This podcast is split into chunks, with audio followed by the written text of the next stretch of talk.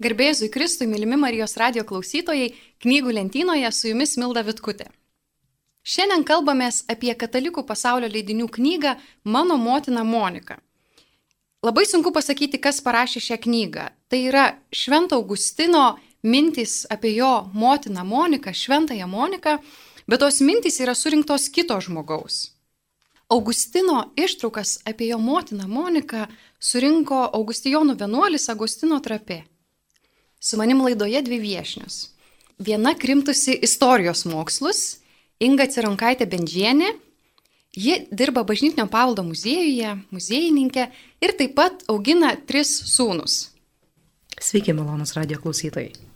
Kita viešne krimtusi filosofijos mokslus, Odeta Šaukevičiūtė, šiuo metu dirbanti programuotoja, nepraradusi susidomėjimo filosofija ir taip pat auginanti tris sūnus. Sveiki. Kadangi knygoje mes susipažįstame su šventaja Monika per jo sūnaus žvilgsnį. Pagalvojau, kad visai tinkamos viešnios būtų moteris, kurios pačios augina sūnų. Skaitant knygą Mano motina Monika galima matyti, kad tai yra mylinčio sūnaus žvilgsnis į motiną. Ar yra dar geresnis būdas pažinti žmogų, kurio negali sutikti asmeniškai, nei tai padaryti jį mylinčio žmogaus akimis. Tad pirmiausia, norėčiau savo viešnių paklausti, apie ką jūs galvojate skaitydamos knygą Mano motina Monika, kokios mintys jums kilo? Kad mamos nesikeičia, kad net ketvirtam amžiui po Kristaus mamos mano, kad valgyti yra svarbu ir kol vaikai nepavalgo pusryčių, neleidžia daryti kitų dalykų. O šiaip iš tikrųjų tai, ką aš galvoju, jeigu nejuokaujant, tai Man buvo įdomu, kaip požiūris į vaikų auginimą, į auklėjimą atrodė tada, nes rezultatas man patinka. Tai aš norėjau pažiūrėti, kaip sekėsi Monikai, ką jinai darė ir ką galima pritaikyti šiais laikais man. Prieš laidą mes kalbėjom su Odeta, vat, kokią temą jį norėtų praplėtoti ir Odeta suformulavo temą, kaip užauginti filosofą. Taip. Tai mane irgi suintrigavo ši tema ir mes ją pratesime vėliau. Inga, o apie ką tu galvojai, skaitydama knygą Mano motina Monika? Na, aš visų pirma galvoju, kad įvadas šiek tiek per ilgas ir per nelik sukramtytas, tarsi nuvertinant skaitytojo gebėjimus e, skaityti tiesiogiai šaltinį. Ir dar prieš kiekvieną skirelį dar yra trumpai apibendrinama, kas bus tame skirelėje. Bet e, man įdomu buvo to meto papročiai šiek tiek aprašyti. Pavyzdžiui, kaip e, Monika lanko kankinių kapus, kaip yra e, svarstom, ar tai tas paprotys geras, ar jis ne per arti pagonybės. Įdomių tokių detalių aš pastebėjau. Tai yra vis dėlto tikrai labai tolimi laikai nuo mūsų, ar ne? Ketvirtas amžius ir e, štai įdomu, kuo gyveno tuo metu žmonės. Šiek tiek detalių tų prasiskverbė nors ir per labai filosofinį Augustino tekstą. Tai aš noriu įsiterpti dėl įvado, nes aš turiu spėjimą. Nes manęs, pavyzdžiui, nesuerzino. Man irgi buvo jausmas, kad aš skaitau vėl tą patį, bet man pasirodė, kad visai gerai, nes kai tu perskaitai tai, kas bus, tu jau spėjai su savim pasikalbėti apie tai, kad ankstesnis laikotarpis susitaikyti su tuo, kad, na, nu, mm, taip, mūšė, dabar ne apie tai, ir po to gali pereiti prie idėjų, kurios aprašomos. Tai man šita dalis, tiesą sakant, net pasirodė visai nebloga, nes tada lengviau skaityti jau pačias Augustino idėjas, šiek tiek atsiribojant nuo laikotarpio dalykų, kurie ne visada lengvai skaitosi ir ne visada lengva eiti prie idėjų, kai tu juos perskaitai, bent jau man. Tai iš karto įsiterpsiu, supažindinsiu su šios knygos struktūra. Taigi pirma knygos dalis yra Augustijono Agostino trapė įvadas, gana ilgas įvadas, apie 50 puslapių, apie tai, kas buvo šventoji Monika, kas buvo šventasis Augustinas, apie jų gyvenimą, apie jų laikotarpį, apie krikščionių bendruomenę. Gana detalus įvadas, kuris supažindina su laikotarpiu, kuris mums yra labai tolimas ir sunkiai suprantamas. Antroji knygos dalis yra šio Augustijonų vienuolio Augustino trapė išrinkti tekstai iš įvairių Augustino veikalų, kuriuose jis kalba apie motiną Moniką, apie savo motiną. Ir Inga, tu minėjai, kad net ir prieš kiekvieną citatą, kuri išrinkta iš teksto, autorius dar kartą pasako, apie ką šis tekstas, lik dar kartą įveda, pasako temą, sakai, lyg nepasitikėdamas skaitytojo gebėjimu suprasti šaltinius. Mėly skaitytojai, jūs turite pasirinkimą. galite tiesiai nerti prie Švento Augustino minčių, o galite paskaityti įvadą. Galbūt jūs esate tas žmogus, kuris norite pats pirmą susidaryti įspūdį ir tada turbūt rekomenduotume pirmą skaityti paties Augustino tekstą, o vėliau susipažinti su įvadu. Kaip tik norėjau tą sakyti, kad irgi gali, galimas toks būdas, ar ne, paskaityti ir paskui, jeigu dar kažkokių neiškumų, ar nori kažką pasitikslinti, detalių kažkokių pasiskaitai dar tą įvadą. Šiaip reikia pasakyti, kad knygelė tikrai nedidelė, dviejų vakarų toks e, reikalas, tikrai net mamų turinčių po keletą vaikų per daug neapkraus ir, ir galbūt net įkvėps ar, ar padrasins. O teta, norėčiau tavęs paklausti. Taigi grįžkim prie tos minties, kaip užauginti filosofą. Tęsiant toliau tai, apie ką aš galvojau skaitydama, tai būtent apie tai, ar keičiasi prielaidos, kuriuom yra auklėjami vaikai. Ta prasme, ar keičiasi tai, kas yra teisinga auklėjime, tai, kas yra teisingas elgesys ir kas yra geras žmogus ir kas yra teisingas žmogus, ar keičiasi tai per laiką.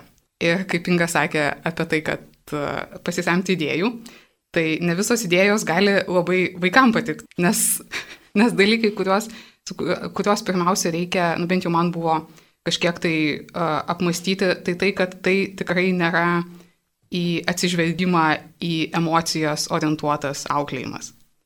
Nes jau pačioj pradžioj pasimato tai, kad Monika buvo auklėjama, bent jau Augustinas tai paprašo, kad jinai netgi turėjo nenorėti to, kas nėra gerbtina. Kitaip tariant, tavo norai taip pat turi būti gerbtini. Ir tai nereiškia, kad tėvai turi gerbti tavo norus, tiesiog tu turi norėti teisingų dalykų. Tai būtent, būtent ar, pasikeitė, ar pasikeitė idėja, kas yra teisingas auklėjimas nuo Augustino laikų. Nes Augustiną mes skaitom, Augustinas mums patinka, jis yra vienas iš pagrindinių bažnyčios filosofų. Taip. Tai vadinasi, kad tokie žmonės kaip Augustinas yra geras auklėjimo rezultatas. Ar ne? Tai vadinasi, Monikos metodika turėjo teisingą rezultatą. Bet problema ta, kad tai, ką mes skaitom, nėra labai priimtina. Ir tada kyla klausimas, kuri dalis neveikia šitoje vietoje. O data kaip tikrai informatikė ieško klaidų, o čia, kad išsprendus šitą klaidą galime gauti teisingą rezultatą.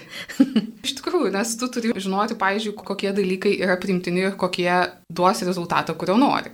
Ir Monikos rezultatas yra tai. Ir vienas dalykas, kas man buvo įdomu, tai be abejo pirmiausia pačios Monikos auklėjimas, nes e, vienas iš dalykų tai, kad Monika taip pat gyveno aplinkoje, kur jos pasaulyje žiūra nebuvo dominuojanti pasaulyje žiūra. Jai nuolat reikėjo derinti tiek, tiek savo, uh, savo pažiūras su, su kitom. Kad jos vyras buvo pagonis dėl to? Jos vyras buvo pagonis ir tuo metugi buvo uh, įvykęs skilimas Afrikoje. Donatininkų. Taip, donatininkų, teisingai. Jie tuokdavosi tarpusavį ir gyvendavo kartu, bet, nu, pažiūros buvo, buvo skirtingos. Marijos radio klausytojų turbūt norėtųsi žinoti kontekstą. Tai mes labai trumpai priminsime apie Šventą Augustiną, kad turėtumėt kontekstą, apie ką mes čia kalbame su šiom dviem žaviom moterim. Taigi pirmiausia, ketvirto amžiaus šventasis, šventasis Augustinas, vyskupas, kuris netėjo iki savo vyskupystės tiesių lygių šventumo keliu. Jis buvo išsilavinęs jaunuolis, gyvenęs gana laisvą gyvenimo būdą, galėtume sakyti palaidą gyvenimo būdą, turėjo nesantokinį sūnų, bet buvo labai populiarus oratorius, dėstytojas, jam švietėsi prieš akis sotus gyvenimas su aplinkiniu pagarba. Augustinas gimė krikščioniškoje šeimoje. Tai yra, jo motina buvo krikščionė, tėvas pagonis, bet motina krikščionė. Bet gyvenime eigoje jis įsitraukė į manichėjų sektą, kuri turi krikščioniškų elementų, bet iš esmės gana prieštaringa krikščionybės atžvilgių sekta. Ir štai jam reikėjo praeiti didelį kelią, kol jis atrado krikščionybę kaip teisingą religiją. Bet šis perėjimas, šis atsivertimas nebuvo lengvas procesas. Suprasdamas krikščionybės teisingumą, Augustinas išgyvena vidinę kovą, savo vidinę kovą nes suvokia, kad nors aš atpažįstu, kad tai tiesa, šią tiesą labai sudėtinga gyventi. Ir jisai net sako savo išpažinimuose, Dieve padaryk mane tyrą, bet dar ne dabar. Kaip sakėjai, Odeta, Augustino aplinka nebuvo krikščioniška taip pat ir jo motinos Monikos. Pati Monika buvo auklėta krikščioniškai, bet jau tuo metu egzistavo daugybė krikščionių srovių, kurios buvo nutolusios nuo krikščionybės kaip donatininkų erezija. Taip pat tuo metu, tai yra Romos imperija, joje vis dar yra labai daug pagonių ir visa aplinka nėra ta, kuris skatintų tave rinktis krikščionišką gyvenimo būdą. mums visada kyla sunkumo atsispirti išoriniai populiariai pozicijai, kuri mus skatina vienai par kitaip elgtis, kaip ir tuometiniam krikščioniui, taip ir šiandieniniam, kyla klausimas. Ar aš išdrysiu, ar man pavyks rinktis dalykus, kurie yra teisingi, bet jie bus man labai nepatogus. Aš galiu dėl to būti pasmerktas, atstumtas. Kalbėjome laidos pradžioje, kad šis laikmetis labai nutolęs nuo mūsų. Ketvirtas amžius po Kristaus buvo labai seniai, bet kai kurie dalykai yra aktualūs visais laikais. Ir čia tas įdomus dalykas, kad Augustinas galėjo abejoti galėjo ieškoti dėl to, kad buvo Monika. Nes mes nieko nematom apie Monikos paieškas. Monika žinojo visą laiką. Ir čia yra tas dalykas, kurį labai gerai turėti, bet aš norėčiau irgi sužinoti, kaip gauti, jeigu neturi Monikos. ir man būtent šita dalis ir pasirodė įdomi, nes kai aš skaičiau, aš skaičiau galvodama apie save labiau kaip apie Augustiną negu kaip apie Moniką. Dėl to, kad tas žinojimo arba buvimo tikru, kas yra teisinga, jausmas man yra artimesnis Augustinui negu Monikai. Ir dėl šitos dalies vėl, kai, kai tu Milda sakai, kad šiais laikais, kai tu žinai, kas yra teisinga ir nu, ne visada drįsti pasakyti, tai man yra didesnė problema su tuo, kad ne visada žinai, nu, aš ne visada žinau. Ir tada, nes, pavyzdžiui, tai, ką daro Monika, jinai tai daro su, bent jau iš to, kaip atrodo iš Augustino pusės, jinai daro tai su daug tvirtumo. Ir Augustinas gali blaškytis ir ieškoti tiesos įvairiausiais būdais ir visur, dėl to, kad jisai turi kas įkreipia ir kreipia nuosekliai ir į tą pačią pusę. Ir čia, man atrodo, ta dalis, kurią skaitydama aš galvojau, kad greičiausiai vėlgi grįžtant prie, prie tų auklėjimo temų, tai yra tai, ką aš labai norėčiau duoti savo vaikam. Tai yra tokį žinojimą, kad aš pažįstu savo mamą, aš žinau, ko jinai nori iš manęs Ir aš galiu su to ginčytis, bet aš žinau, ko jinai nori. Ir aš žinau, ką jinai laiko teisingu ir mes galime apie tai ginčytis, bet, bet yra pagrindas. Kas nepažįsta Švento Augustino istorijos ir Šventosios Monikos vaidmens jo gyvenime, tai Monika yra motina, kuri apverkė savo sūnų, kuris nėra krikščionis. Jai labai skaudu, kad jo sūnus netranda krikščionybės kaip tiesos.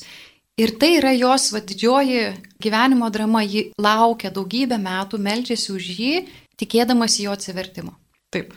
Tai jeigu kalbėti apie Moniką kaip apie motiną, tai tai kaip aš mačiau, tai mes matom mamą, kuri yra labai, na, labai tvirta tuo, kuo jinai tiki ir jinai daro viską, ką gali ir gana gudriais būdais, kad visi jos aplinkoj galvotų ir gyventų panašiom vertybėm, kaip gyvena ji. Beje, įdomus klausimas, kodėl Augustinas netampa krikščionim. Nes Monikos vyras, nu, Augustino tėvas, tampa krikščionim, vėliau truputį žinoma, bet, bet irgi tampa. Ir Augustinas, nes Augustinas tai, ką sako, kad tai, ką jis įgavo iš motinos, buvo tiesos paieškos. Jisai norėjo surasti tiesą. Jį visada domino tiesa ir jam tik tai buvo nelabai aišku, kas ta tiesa yra. Ta prasme, kokia ta tiesa ir, ir, ir kur jam jos ieškoti. Ir jisai po to, kai jau tapo manichėjom, irgi sakė, kad Aš maniau, kad esi čia. Va šitoje knygoje, kas yra labai įdomu, nes tu gali matyti Augustino kelią, kaip Augustinas ieškojo, čia sakius, kaip jis ieškojo tiesos. Nes kadangi jisai rašo per savo motinos istoriją, tai matai beveik, beveik iš šono, tai yra kaip atrodė skirtingi etapai. Ir dar turbūt čia labiau jokingas kampas, tai yra tai, kad Augustino motina stebėjo visą jo augimą ir visą raidą Ir jinai netgi jam suaugus ir iškeliavus jau į Romą, jinai jo nepaleido. Ir jinai toliau ėjo pas jo mokytojus, pas kitus žmonės, kuriuos jisai gerbė ir sakė, pasikalbėkit su juo, nes nu, jis neteisingai gyvena. Tie žmonės jai sakė, kad jisai suaugęs žmogus, jisai turi pats surasti, jisai protingas žmogus. Ir tada jo motina verkė tiek, kad vyskupas Ambraziejus sakė, kad sūnus, dėl kurio tiek motina verkė, nepražus. Kiek dabar tavęs klausausi, tada tau tas Monikos tvirtumas ar ne ypač imponuoja. Aš skaitydama, tiesą sakant, kažkaip nelabai jį pastebėjau. Man ne, ne ten koncentravosi žvilgsnis, mm. bet taip pat galvojau apie kitas Monikos darybės, ar ne, kokia jie yra moteris. Tai labai kantri, man tas labai krito akis su savo vyru, ar ne, kantri, su, net kai jis e, impulsyviai reaguoja, ar ten vos negal, gali viskas išvirsti į, į muštynės, ar ne, bet ir su sunum, kuris e, štai klaidžioja daugybę metų, jinai kantriai, e, ištikimai meldžiasi už jį, aukoja aukas, laikosi tam tikrų pamaldumo praktikų. Bet ta tokia neišsemiama kantrybė, tokia kaip puola moteris, ar ne? Bet čia yra tas tvirtumas. Taip, taip čia gal... Taip, būtent, nes, nes jinai žino, dėl ko jinai tai daro. Nes, nes ta prasme, tu gali taip tvirtai ir nuosekliai daryti tada, kai tu žinai, kur tu eini, kai tu žinai, kad tai tikrai teisinga. Kartais aš būnu tvirta, bet nebūnu kantri. ir kartais man atrodo, kad tai yra truputį atskiros savybės. Sutinku, gali būti. Nes man atrodo, kad jos tas kantrumas irgi davė tą vaisių, ar ne? Nes jeigu būtų tiesiog tvirtai žinojusi, kad jos pusėje tiesa ir reikalavusi to bet kokiamis priemonėmis, tai nebūtų gal pasiekusi to rezultato, ar ne tiek vyro, tiek Augustino atžvilgiu. Bet ji buvo labai kantri ir labai švelni, leido ar net tarsi ieškoti ir pačiam rasti atsakymus. Man ir labiau išstrigo Monikos kantrumas. Prisipažinsiu, skaitydama net jaučiau pykti ir galvoju, kodėl aš tai pykstu. Ir man buvo pikta klausyti, kad štai moteris, šventa moteris, išauginusi šventąjį, gyvena šeimoje su netikinčiu vyru, su pagoniu, kuris yra impulsyvus. Ir jis žiaurus, nemalonus žmogus ir jinai turi kantriai atkentėti jį. Ir man atrodė nesažininga, reikia kaip tik priešą sustabdyti, neleisti jam reikštis. Bet pradėdama svarstyti, aš suprantu, kad nėra kito kelio. Jeigu tu jau susitokiai su žmogumi ir tu pasirinkai, kad štai aš su juo gyvensiu, tai tu negali jo pakeisti per prievartą. Žmogus yra nemalonus dėl to, kad pats yra sužeistas. Stiprindama prarąją tarp jūsų per pyktį, tu tik dar atsitolinsi nuo jo ir prarasi galimybę prie jo priartėti, kad galėtum jį gydyti meilę. Tai nėra lengvas dalykas. Labai lengva apie tai kalbėti, labai sunku tai priimti, kai kasdieną susiduri, bet kuo toliau mąstau, tuo labiau suprantu, kad Tai buvo Šventojios Monikos meilės kelias, nėra kito kelio padėti žmogui, kuris yra sužeistas, išlipti iš jo sužeistumo, kaip tik jį mylėti ir būti jam kantriam. Ir melstis už jį. Ir melstis už jį. Ir tam, kad mes suprastume, kad kalbam apie tą patį, apsibrieškim kantrumą. Nes ar kantrumas yra atkentėjimas dėl to, kad tau nemalonu, bet reikia išbūti, ar kantrumas tai yra prieimimas to, kad dabar dar aš nepasiekiau tikslo, kad tai yra etapas. Ir jeigu mes kalbame apie tai, kad tiesiog atkentėti vienetinį atvejį, net jeigu jisai neturi tikslo, jisai mums nepatinka, tikrai sunku. Ir nepadeda turėjimas tikslo, bet kitu atveju, kaip, kaip sakai Milda ir kaip sakai Inga, tada kantrumas turi, man atrodo, kitą reikšmę ir kai tu žinai, kad tai yra priemonė pasiekti tikslą, kad tai yra meilės kelias kitam tai nėra pasiaukojimas ta prasme, kad tu atsisakai savęs, tiesiog tai yra būdas, kuriuo tu save duodi. Ir Monika tą turėjo. Ir čia ir buvo dalykas, kur man taip pat buvo nelabai, nelabai lengva skaityti apie Monikos nuolankumą. Nes mes skaitom apie Moniką kaip apie Augustino motiną. Ir skyriai suskirstyti taip, kad Monika mergaitė, žmona, motina, gelbstinti motina, triumfuojanti motina ir taip toliau. Už to nėra, nėra Monikos moters, ta prasme, Monikos žmogaus. Ir viskas su tuo šitoj vietoj turbūt yra gerai, nes Monikos gyvenimas ir buvo būti motina, žmona ir tas man skaitėsi sunkiai. Bet e, šita dalis turbūt ir buvo tas na, jos ypatingumas ir tai ir buvo tas būdas, kuriuo jinai pasiekė tai, kad tiek jos vyras, tiek jos vaikas, tiek žmonės aplink ją pamatė, kad jos vertybės yra tos, kuriuom ir jie nori vadovautis, nes jos veikia. Inga, apie ką tu galvoji girdėdama va štai svarstymą? Monika kaip motina, kaip žmona, bet ne kaip žmogus.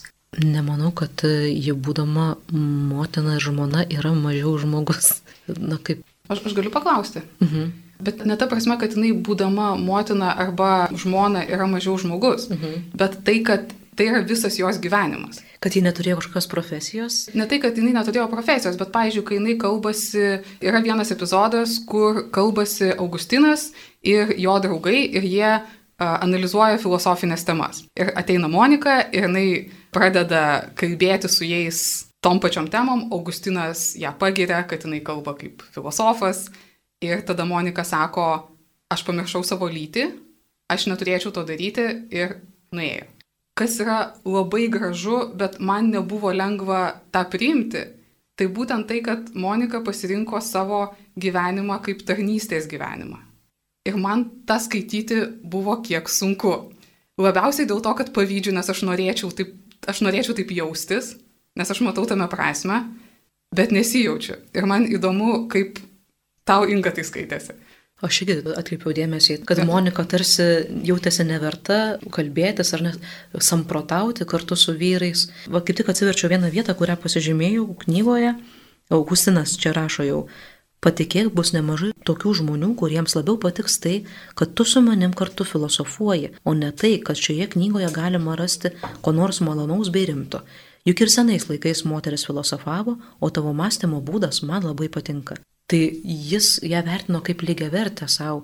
Ir ten vienas iš epizodų, irgi prieš mirtį Monika ir Augustinas patiria tą tokią, ar ne, bendrystės pilnatvę Ostijoje, vietovėje tokioje Ostijoje, kad jie kaip lygų su lygiu, ne tai, kad ar ne, aš vyras, o tu moteris, bet Aišku, kad yra mylima jo motina, bet taip pat atrodo, kad jis nejaučia kažkokio didelio skirtumo, na ir nesureikšmina ir jam bent jau tas kažkokia neligybė, kaip dabar moderniai sakytumėm, ar neličių neligybė, Augustinui negaliojo, kalbant apie savo motiną, nebijant, nesigėdijant pakviesti jos kartu su bičiuliais kosamprotauti. Nes būtent šitas dvi vietas aš perskaičiau gana kitaip. Pirmiausia, kai Monika sako, kad jinai pamiršo savo lytį, aš nemanau, kad jinai turi galvoj, jog uh, jinai neturėtų taip kalbėti, nes jinai yra blogesnė. Aš manau, kad jinai tiesiog yra apsisprendus, kad jos vieta yra kitur. Kad tai nėra tas būdas, kuriuo jinai nori gyventi ir ne tas būdas, kuriuo jinai nori skleisti savo idėjas. Kad jos kelias, kurį jinai pasirinko, nėra svarstymo arba racionalumo kelias, o tarnystės. Ir būdama moteris, jinai tuo laiku gali tai daryti gerokai efektyviau per, per tarnystės kelią. Ir šiuo atveju tai būtų tiesiog, kaip čia pasakius, laiko švaistimas. Nes aš nemanau, kad tai reiškia, jog jinai jautėsi neverta. Aš manau, kad jinai tiesiog jautėsi, kad tai nėra geras būdas jai skleisti savo idėjas, nes jinai jau labai efektyviai tai darė kitų būdų. Ten gražiai vienoje vietoje sakoma, kad ji rūpinosi visais mumis kaip savo vaikais ir patarnavo mums kaip savo tėvams. Ir dar yra ta vieta, kur Monika iš pradžių, ten kaip juokavau dėl to maisto, kad pasirūpino, kad visi pavalgytų. Ir po to kalba apie tai, kad tiesa yra sielos maistas. Ir man atrodo, kad tai yra, na, vėlgi analogija, kad tu gali pasirūpinti žmonėmis, kad jie vėliau galėtų mąstyti. Ir tai atrodo iš šitos perspektyvos, kaip čia dabar maisto gamyba ir, ir filosofija. Tai aišku, kad filosofija geriau. Bet mes turim filosofus dėl to, kad jos, jie turėjo tokias motinas. Ir jeigu galvoji, kad tai nėra svarbu, na tuomet kažkaip priežastingumas dinksta reikalų. Nes Augustinas galėjo būti Augustinas jisai galėjo ieškoti tiesos jisai galėjo, galėjo užsimti filosofiją vien dėl to, kad jisai turėjo motiną, kuri turėjo tvirtą vertybinį pagrindą, kur jį kreipė.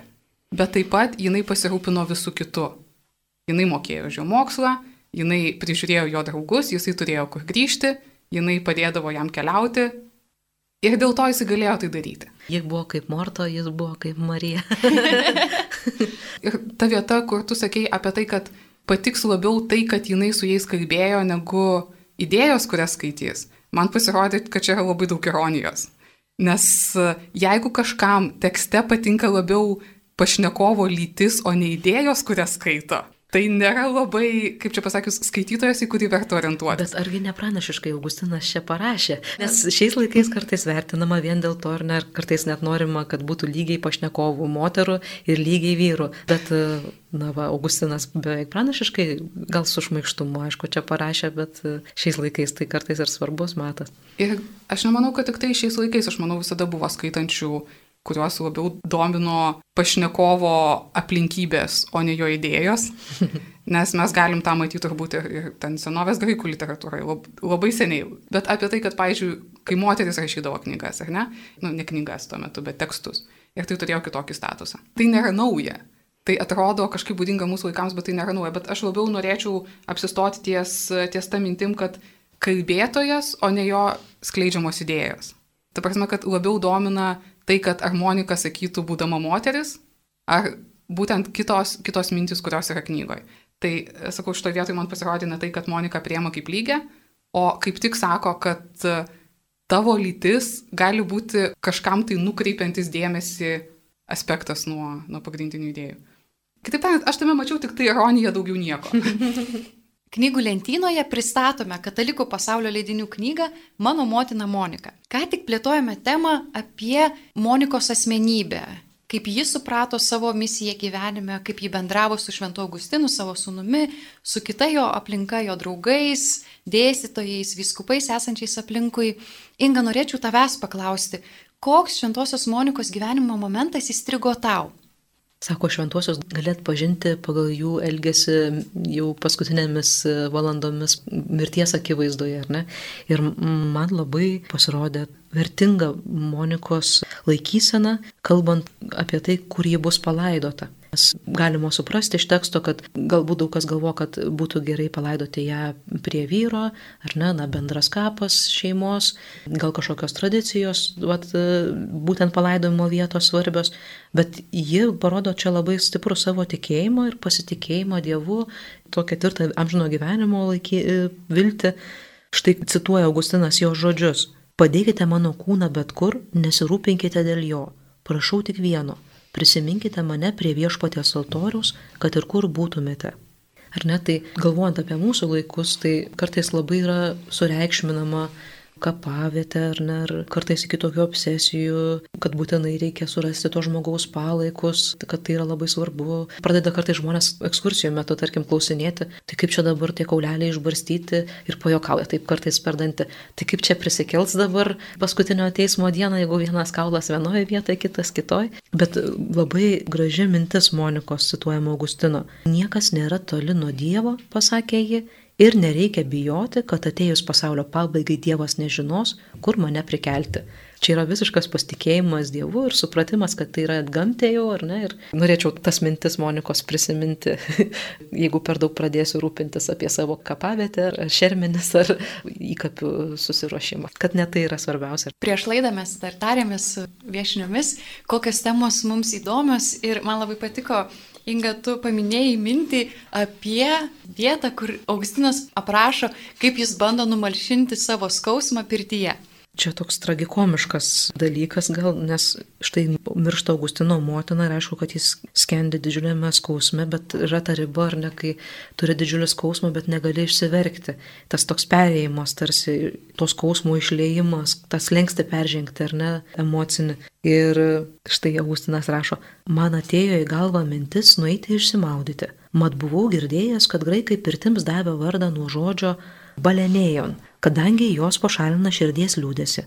Štai viską tau išpažįstu, gailstingasis Dieve, našlaičių tėve. Aš išsimaudžiau ir likau toks pats kaip iki išsimaudimo. Liūdėsio kartėlis nepasitraukė iš mano širdies. Skaitant atrodo ir, ir graudu, ir, ir liūdna kartu su Augustinu, bet kartu ir toks juokas, ar ne? Pagonis tarsi galbūt tikėsi, kad tam tikras apėgas atlikę ar tam tikras praktikas štai padarė, gali širdies skausmą numalšinti, o gal čia taip ironiškai Augustinas rašo, na, va, padariau tai, ko, ką kiti laiko širdies nuraminimu, bet vis tiek tai mano širdies ne, nepagodė. Mėly Marijos radio klausytojai, pamatysit, kad tikrai kai kurie dalykai nesikeičia. Mes taip pat išgyvename skausmą, mes bandome pirago gabalėlių, maudinėmis baseinę, kažkaip jį numalšinti, nes sunku, sunku išgyventi skausmą, kartais nepavyksta jo išlieti. Ir dabartiniam kontekste, kai vyksta karas Ukrainoje, skaitome apie tai, kas vyksta. Skaičiau apie žiaurumus, kurie vyksta kare ir man pačiai buvo sunku sugyventi su mintimi, kad toks žiaurus gali būti pasaulis. Ir aš suprantu, kad pasivaikščiojimai nieko nepagelbės, kava nepadės, net ir draugų kompanija nepadės. Nes tiesiog yra siaubinga suvokti, kad žmogus tai gali padaryti, kad toksai žiaurumas yra įmanoma žmogui. Ir tada vienintelis dalykas, kuris guodžia, yra supratimas, kad tik tai Tik tai tikinti žmogus, kuris tiki Dievo meilę, gali tikėtis kažkokios užuojautos, bet tik tai šitoje vietoje, kad kančias patyrusių žmonių žaizdos gali būti išgydytos meilė. Ką aš galiu padaryti, tai būti pati tokia stipri Dievo meilė, kad galėčiau išbūti šalia žmogaus, kuriam taip skauda, nes šis skausmas gazdina. Ir pati skaitydama šią knygą, galvoju, kad tai nėra tiesiog pasakojimas apie ketvirtą amžių. Tai lyg pasakojimas apie tai, kas vyksta dabar. Ir Augustinas yra labai ekspresyvus rašytojas, puikus literatas, genijus, bet tai nėra tik tai geras stilius. Pats jo požiūris į pasaulį, patys jo išgyvenimai man buvo labai artimi. Jo jautrumas, su kuriuo jis kalba ne tik tai apie savo motiną, ne tik išreiškia savo meilę savo mamai, bet ir jo išgyvenimas, tiesos ieškojimas, klaidžiajimas ir nepasidavimas su lengvais atsakymais, bet siekis išgyventi, išsiaiškinti, patirti, išjausti dalykus ir tik tada juos priimti, kad per patį save priimti visą savo tikėjimą, kad šis tikėjimas nėra gražių salonų pasvarstymo reikalas, jis labai stipriai keičia gyvenimą. Šis gyvenimo keitimasis yra guodžiantis, bet kartu ir labai skausmingas, nes tu turi tapti vientisas savo mąstymė ir, ir gyvenime. Ir man dėl to ši knyga, nepaisant visų trūkumų, pavyzdžiui, Taip norėdavosi, kad citatos būtų ilgesnės. Nu kodėl čia sustojo? Gal norėčiau daugiau. Bet suprantu, kad sudarytojo tikslas buvo kitas. Buvo labiau parodyti Monikos gyvenimą, o ne Šventojo Augustino. Tai net ir su visais ribotumais, man ši knyga buvo puikus penas apsvarstymui. Ne tik tai pasvarstymui, kaip čia galėtų būti, bet pasvarstymui, kurie verčia mąstyti apie mano pačios gyvenimą. Mane irgi nustebino tai, kad knyga pasirodė aktuali, bet aktuali ne dėl to, kad gali atpažinti situacijas, bet dėl to, kad gali atpažinti emocijas ir gali atpažinti motivaciją, kuris skatina elgtis vienaip ar kitaip. Skaitant, jautėsi tai, kad žmogus, kuris rašo, jisai irgi masto ir jam gyvenimas taip pat kelia įvairius klausimus ir, ir jisai jais dalinasi ir taip citatų tikrai norėjusi ilgesnių, bet čia turbūt idėja ta, kad tu gali paskaityti jau patį kūrinį. Viena svarbiausių, man atrodo, minčių, kuri čia yra šitoje knygoje cituojama, tai Augustino žodžiai, ar ne, man trūksta žodžio apsakyti, kaip ji mane mylėjo. Gimdė mane savo dvasioje su didesniu skausmu, negu kitados gimdė mane iš savo kūno.